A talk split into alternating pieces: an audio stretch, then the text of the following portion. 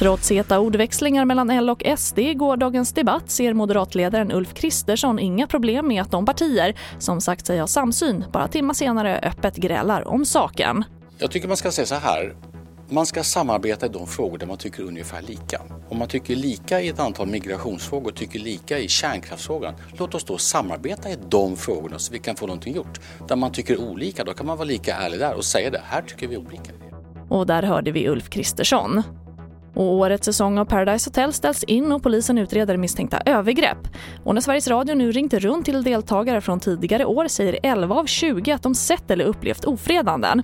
Flera säger också att de tycker produktionsbolaget har försökt tysta ner händelserna medan produktionsbolaget säger att de har tydliga riktlinjer för hur man ska bete sig mot varann. Och vi avslutar med att Falu kommun polisanmäls av Länsstyrelsen för brott mot kulturlagen efter att ha grävt sönder drottning Margaretas dike. Det rapporterar Dala-Demokraten. I januari bildades en ispropp i diket och kommunen började gräva bort den för att undvika översvämning men utan att ha ansökt om tillstånd. Och enligt Länsstyrelsens anmälan har kommunen orsakat en betydande skada på fornlämningen. TV4-nyheterna, jag heter Charlotte Hemgren.